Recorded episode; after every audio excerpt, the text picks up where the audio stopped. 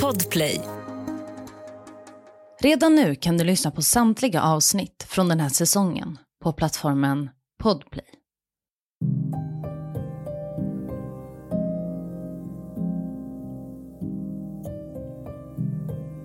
–19 december 2001. Waldport, USA. En man ger sig ut över den till synes stilla floden, Alsea. Det är kyligt men behagligt. I båten vilar två fiskespön och diverse verktyg. Efter en påfrestande vecka ska han äntligen få ägna sig åt sitt älskade sportfiske. Som han har längtat. Det är med ett leende på läpparna som mannen ankrar båten och börjar förbereda betet. Men det tar inte lång tid innan något helt annat pockar på hans uppmärksamhet. Det hörs ett dovt ljud från sidan av båten. Det verkar vara något i vattnet som stöter emot skrovet. Han lutar sig försiktigt över relingen och det han får syn på är förfärligt. För i vattnet flyter ett lik, en liten pojke. Det här är berättelsen om mördaren Christian Longo som i början av 2000-talet dödade sin hustru och deras gemensamma barn. Du lyssnar på Jakten på mördaren med mig, Saga Springhorn. Dagens avsnitt är skrivet av Lisa Törnlöf. Jag vill varna för grova och ingående våldsskildringar.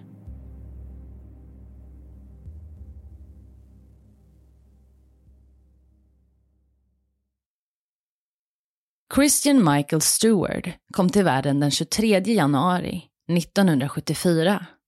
Han föddes i delstaten Iowa. Han var pappa Steven och tonårsmamman Joys första barn. Tillsammans fick Steven och Joy ytterligare ett barn, en lillebror till Christian. Men familjelivet var inte en dans på rosor. Pappa Steven var nämligen våldsam och dessutom hade han problem med alkoholen. När Christian är fyra år gammal lämnade mamma Joy familjen och gifte sig med en av sina arbetskollegor från Target, Joe Longo. Och det var så här Christian fick det efternamn som han idag är känd under. Tillsammans flyttade familjen till Michigan och det var där deras religiösa resa tog fart. Från början var både Joy och Joe katoliker, men kort efter flytten blev de medlemmar i Jehovas vittnen. Enligt Christian själv hade han en fantastisk barndom i Michigan eftersom att han redan i ung ålder fick missionera och sprida Jehovas budskap genom att knacka på hos folk runt omkring i området. När Christian var 19 år gammal gifte han sig med den sju år äldre Mary Jane. De hade träffats genom sin gemensamma tro på en parkeringsplats intill kyrkan och därefter blivit kära. Men problematiskt nog tyckte hans föräldrar att han inte var redo för att dejta. Antingen fick han flytta ut eller bo kvar om han lovade att inte dejta. Så Christian valde kärleken. Han flyttade. Utåt sett verkade paret leva ett relativt normalt liv. Men Christian hade redan innan bröllopet ekonomiska svårigheter. Han hade bland annat behövt ta ett lån för att ha råd med en ring till Mary Jane.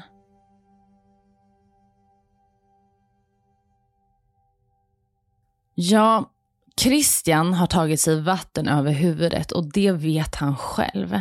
Han har köpt en alldeles för dyr ring till sin fästmö och därför har han inte råd med månadshyran. Men nu har han en plan och det här är den enda utvägen tänker han för sig själv innan han stämplar in för dagen i kamerabutiken där han arbetar. Um, timmarna passerar långsamt och han blir mer och mer nervös. Och när klockan äntligen slår fem och den sista kunden för dagen ska köpa sig en kamera slår han till. Han registrerar kameran i kassan och ber kunden att betala 108 dollar. Men istället för att lägga ner pengarna i kassan så stoppar han ner dem i sin ficka. Och allt går som planerat. Efter det här så vinkar han hej då till kunden och stänger för dagen. Han lägger inte märke till det felaktiga kassaavslutet för nu har han äntligen tillräckligt med pengar för att betala för sig själv. Han är nöjd. Vi går vidare. Vad hände egentligen sen? Jo, redan nästa dag frågade Christians kollegor om han visste vart pengarna hade tagit vägen. Pengarna från den sista kunden. Allt de möttes av var tystnad. Det skulle däremot inte ta lång tid innan Christian ångrade sig. Bara två dagar efter stölden sa han upp sig och lämnade tillbaka hela beloppet. Trots det blir det hela lite av en skandal inom samfundet vilket resulterade i att Christian fråntogs sina religiösa uppdrag. Inte nog med det. För när Christians manager la märke till det felaktiga kassaslutet anmälde han honom. Straffet blev 80 timmars samhällstjänst. När Mary Jane fick reda på vad som hänt blev hon besviken. Men hon förstod ju varför han gjort just sådär. Och det var viktigt att han lovade henne att det aldrig skulle hända igen. Så Mary Jean stannade trots att hon var besviken. Ja, vi stannar upp lite kort här igen. Än så länge verkar ju inte Christian visa allt för farliga sidor av sig själv. Visst stal han pengar och det är självklart fel. Men ett sånt snedsteg har ju många tagit och repat sig från. Men det här med familjeekonomin är något som kommer att fortsätta att bekymra Christian. Och det är faktiskt så att Christian kommer att fortsätta att stjäla och det är också på det här sättet som han kommer bli känd för polisen. Ja, vi går vidare. År 1997 fick paret sitt första barn. En pojke som de döpte till Zachary. Men Mary Jane och Christian hade fortfarande inte en stabil ekonomi. Och Mary Jane hade sagt upp sig från sitt arbete för att vara hemma och ta hand om deras son. Och det gjorde inte saken bättre. Men varför hade då familjen sådana ekonomiska bekymmer? Jo, så här var det. Christian var besatt av att visa upp ett perfekt yttre och därför överöste han sin fru med resor, nya bilar och fina kläder utan att tänka på konsekvenserna. Christians förmåga att hushålla var alltså inte så bra och enligt han själv skämdes han mycket för det här. Så att be sina föräldrar eller andra närstående om ekonomiskt stöd, det var inte ett alternativ. Till en början arbetade Christian med att dela ut tidningar. Men det var egentligen inget som han var speciellt intresserad av. Ofta ljög han för folk och sa att han arbetade på tidningen The New York Times. Med tiden bröt han sig loss från att dela ut tidningar. Han trivdes inte där. Och han började istället arbeta som försäljare av eldstäder inom byggnadsbranschen. Tiden går och år 1999 har Christian och Mary Jane tre barn. Deras son Zachary, två år, Sadie, ett år och nyfödda Madison. Men när Madison föddes uppstod en hel del komplikationer vilket resulterade i en dyr månadsvistelse på sjukhuset. Ännu en utgift som Christian behövde stå för. Men runt den här tidpunkten fick Christian en idé. Han skulle starta en städfirma. Idén att starta eget fick han tack vare sitt tidigare arbete där han upplevde att det var brist på städfirmor inom byggnadsbranschen. Men hur gick det då för Christian och hans företag? Jo, det gick bra. Nästan för bra. Företaget expanderade snabbt, men det fanns ett litet problem. Byggnadsfirmorna betalade inte fakturorna i tid. Så trots Christians framgång var han pank. Men som vi redan vet var Christian besatt av vad andra tyckte om honom. Han ville ju få alla att tro att hans liv var perfekt. Därför upptäckte aldrig Christian som Mary Janes närstående hur illa det var. För på ytan såg ju allt perfekt ut. Och på så sätt lyckades även Christian övertala sin styvfar att investera tiotusentals dollar i hans företag. Och nu, i och med att Christian hade överskattat sitt företag, var dessutom kronofogden efter honom. De beslagtog Mary Janes bil, en Ford. Men det här var inget som Christian ville berätta. När Mary Jane ser att bilen är borta säger Christian att tanken är att den gamla Forden ska bytas ut mot en ny bil. Han nämner ingenting om Kronofogden. Och nu vill Mary Jane ha en minivan med tv-apparater för barnens skull. Och det skulle Christian såklart fixa på ett eller annat sätt. Han lovade. Christian gör ett falskt körkort och åker senare till en bilåterförsäljare. Väl på plats frågade han försäljaren om han fick köra en liten provrunda med en av deras minivans. Och det fick han självklart, i utbyte mot hans körkort som skulle fungera som pant. Och nu kanske ni har lyckats lista ut vad Christian gjorde. Och om inte, Christian återvänder aldrig med bilen. Han stal den och den enda ledtråden var det där falska körkortet med ett annat namn på.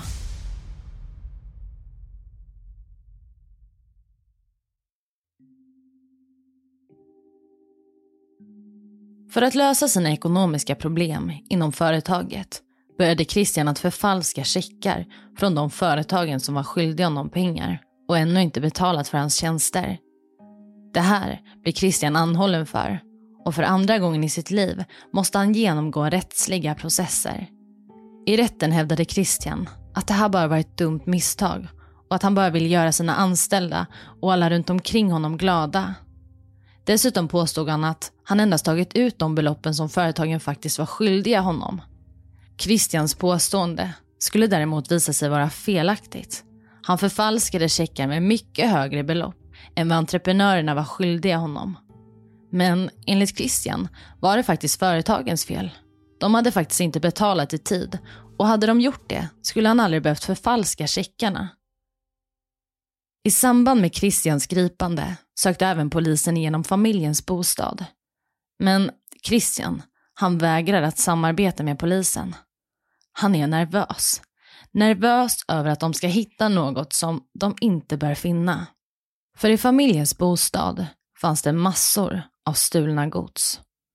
I bostaden hittade polisen bland annat två jetskis som Christian hävdade att han hade vunnit på en tävling, vilket var en ren lögn. Man hittade också den stulna bilen och ett par stulna datorer. Kort efter det här erkände Christian sitt innehav av stöldgods och bedrägeri. Han döms till tre års skyddstillsyn och får böter. I maj månad, år 2000, ringde Mary Jane sin syster och berättade om en hemsk upptäckt.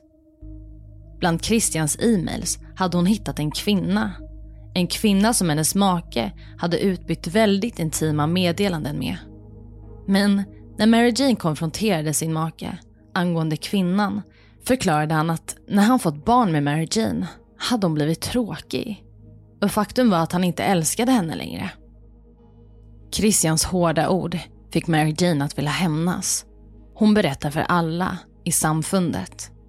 Och nu får Christian inte längre vara med i Jehovas vittnen. Han hade begått alldeles för många misstag. Han blev totalt utfryst av alla medlemmar, inklusive av sina egna föräldrar. Men trots skandalerna och sveket stod Mary Jane kvar vid Christians sida. Enligt Christian resulterade hans otrohetsskandal i en rejäl tankeställare. Han skulle bli en bättre människa och en bättre make. Han skulle sluta upp med alla lögner, skaffa sig ett riktigt jobb och reda ut deras ekonomi. Nu skulle han sluta att spendera alla deras pengar på onödiga prylar. Eller, ja, inte riktigt än. Christian hade nämligen fått tag i ett kreditkort. Ett kreditkort som inte tillhörde honom, utan hans föräldrar. Och med det här kortet betalade han för Mary Janes ögonlaserkirurgi och för några dyklektioner till honom själv. Han tyckte att de förtjänade en sista present nu när han framöver skulle bli laglydig. Men att Christian fått tag i ett kreditkort genom sina föräldrar fick de reda på och därför bestämde de sig för att väcka åtal mot honom våren 2001. Inte skulle Christian få komma undan. Ett sånt här beteende var oacceptabelt. Christian får panik. Han tvingar sin familj att ta med sig sitt pick och pack. Hela familjen måste fly och gömma sig. Men Christian hade ännu inte avtjänat sina tre år av skyddstillsyn och han fick inte lämna delstaten Michigan enligt lag. Men det gjorde han ändå.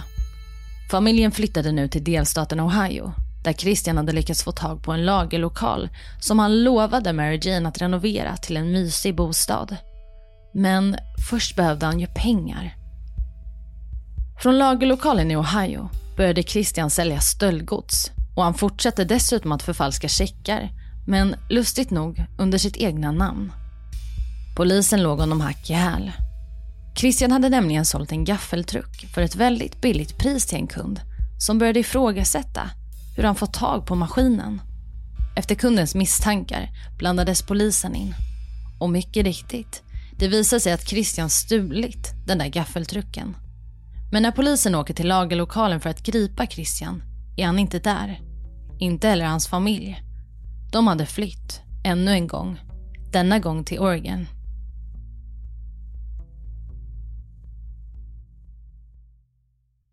Ja, Christian hade ju lovat sig själv att leva mer laglydigt, men så blev det inte riktigt.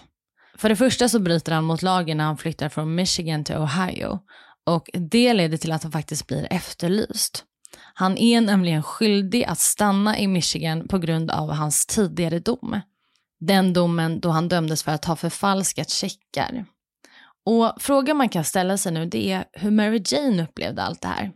Och varför stannar hon kvar med Christian trots hans beteende? Vi fortsätter. Under den här turbulenta tiden var Mary Jane fortfarande medlem i Jehovas vittnen. Hon beskrevs dessutom som djupt troende och väldigt dedikerad. Och något samfundet förespråkade var tanken om att kvinnan skulle vara underordnad mannen. För Gud skapade faktiskt Eva för att hjälpa och stödja mannen. I efterhand har medarbetare till Christian berättat att han brukade gå runt och skryta om att han kunde göra absolut vad som helst och ändå skulle hans fru aldrig lämna honom. Mary Janes syskon försöker upprätthålla den goda kontakten som de alltid haft. När syskonen ber Mary Jane att komma hem så svarar hon kort att hon måste stanna kvar med Christian. Det var ju trots allt hennes man.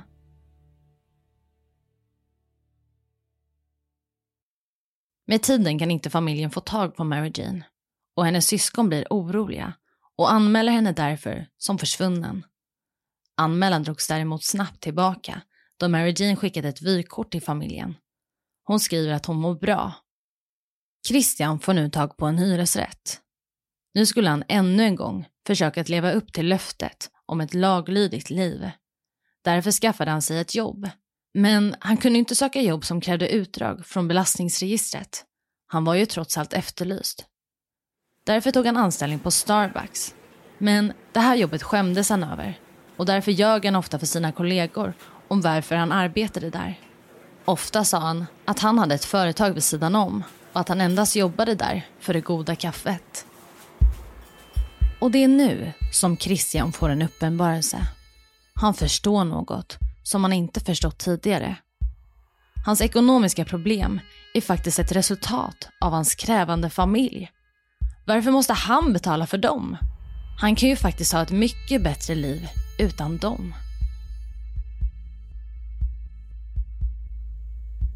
Det är den 16 december 2001.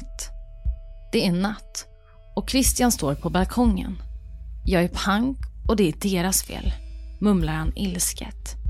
Jag gör ju allt för dem, fortsätter han och tänker tillbaka på häromdagen då han var tvungen att stjäla en hel tank bensin från macken för att kunna ha råd med mat till familjen. I handen håller han ett brev från hyresvärden. Familjen ska vräkas. I ren frustration och ilska knölar han ihop brevet och kastar ut det över balkongen. Det är inte mitt fel, det är inte mitt fel, det är inte mitt fel, intalar han sig själv.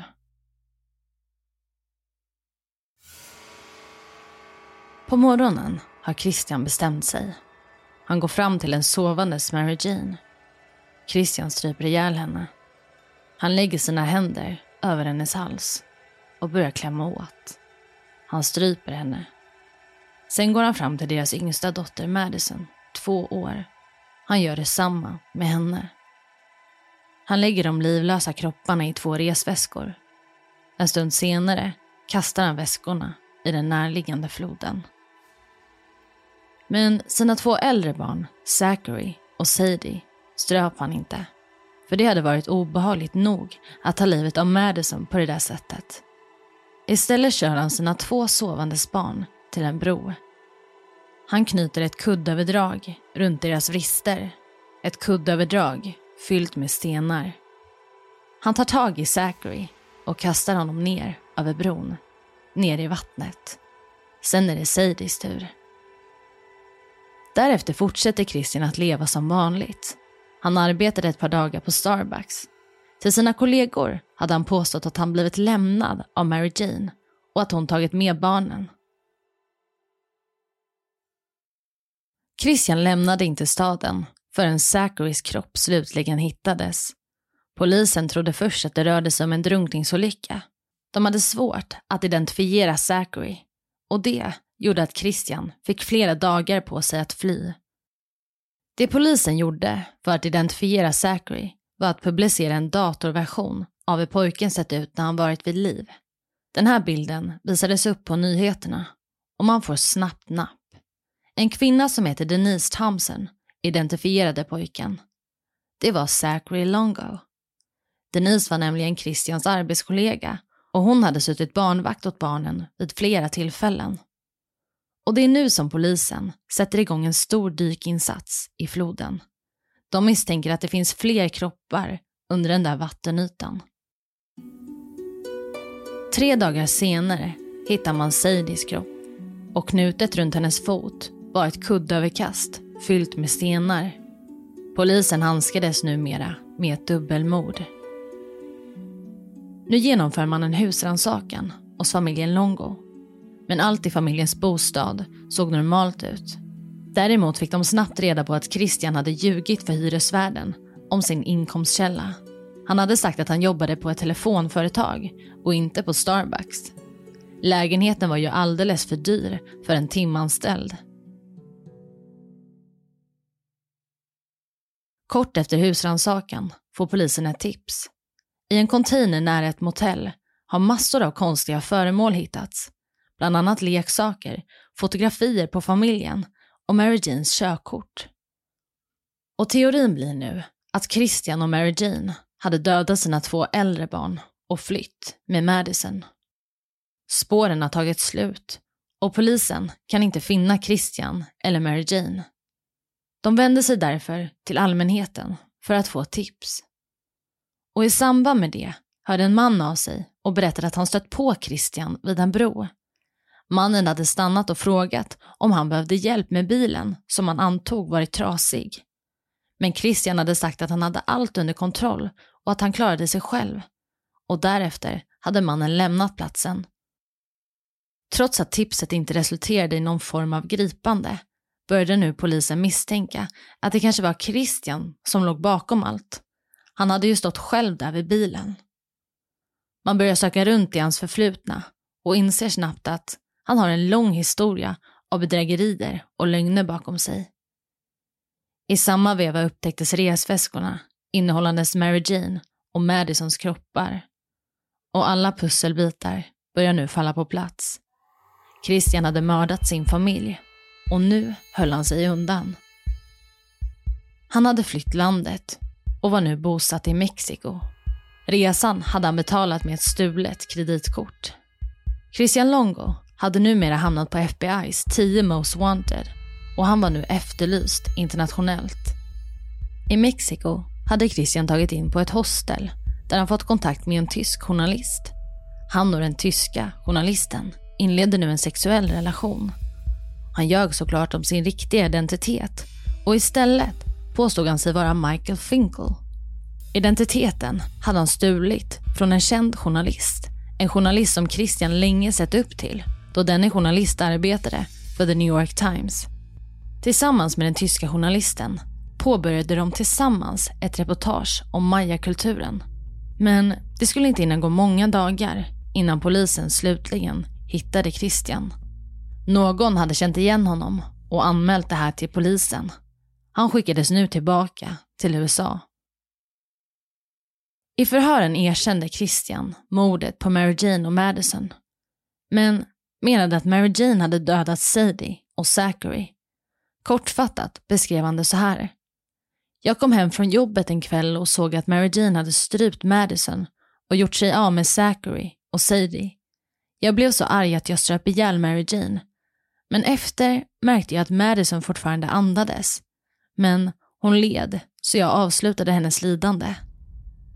I rättegången hävdade däremot åklagaren att det var Christian som tog ett beslut att döda sin familj. Motivet till mordet skulle ha varit att familjen var en börda för honom. Och juryn köper inte Christians historia om vad som hänt. Han döms till livstidsfängelse och tilldelas dessutom dödsstraff. Ja, Christian befinner sig fortfarande bakom lås och bom i väntan på dödsstraff. Men det här är lite problematiskt. Det har ju gått några år och Oregons guvernör motsätter sig dödsstraff. Så det är lite paus i den processen skulle man kunna säga. År 2011 fick Christian sin dröm uppfylld. Han fick publicera en artikel i The New York Times och i artikeln så berättar han att han fått avslag från att donera sina organ efter dagen då han dör. Mm. I artikeln hävdar han att han vill göra rätt för sig med det lilla han har kvar. Han vill kunna rädda liv och lätta lite på sitt samvete. Och det här var allt för dagens avsnitt. Vill du tipsa om ett fall eller komma i kontakt med mig så kan du skriva till mig på min Instagram där jag heter Saga Springkorn eller mejla till jaktenpamordaren springkorn.se. Tack för att du har lyssnat.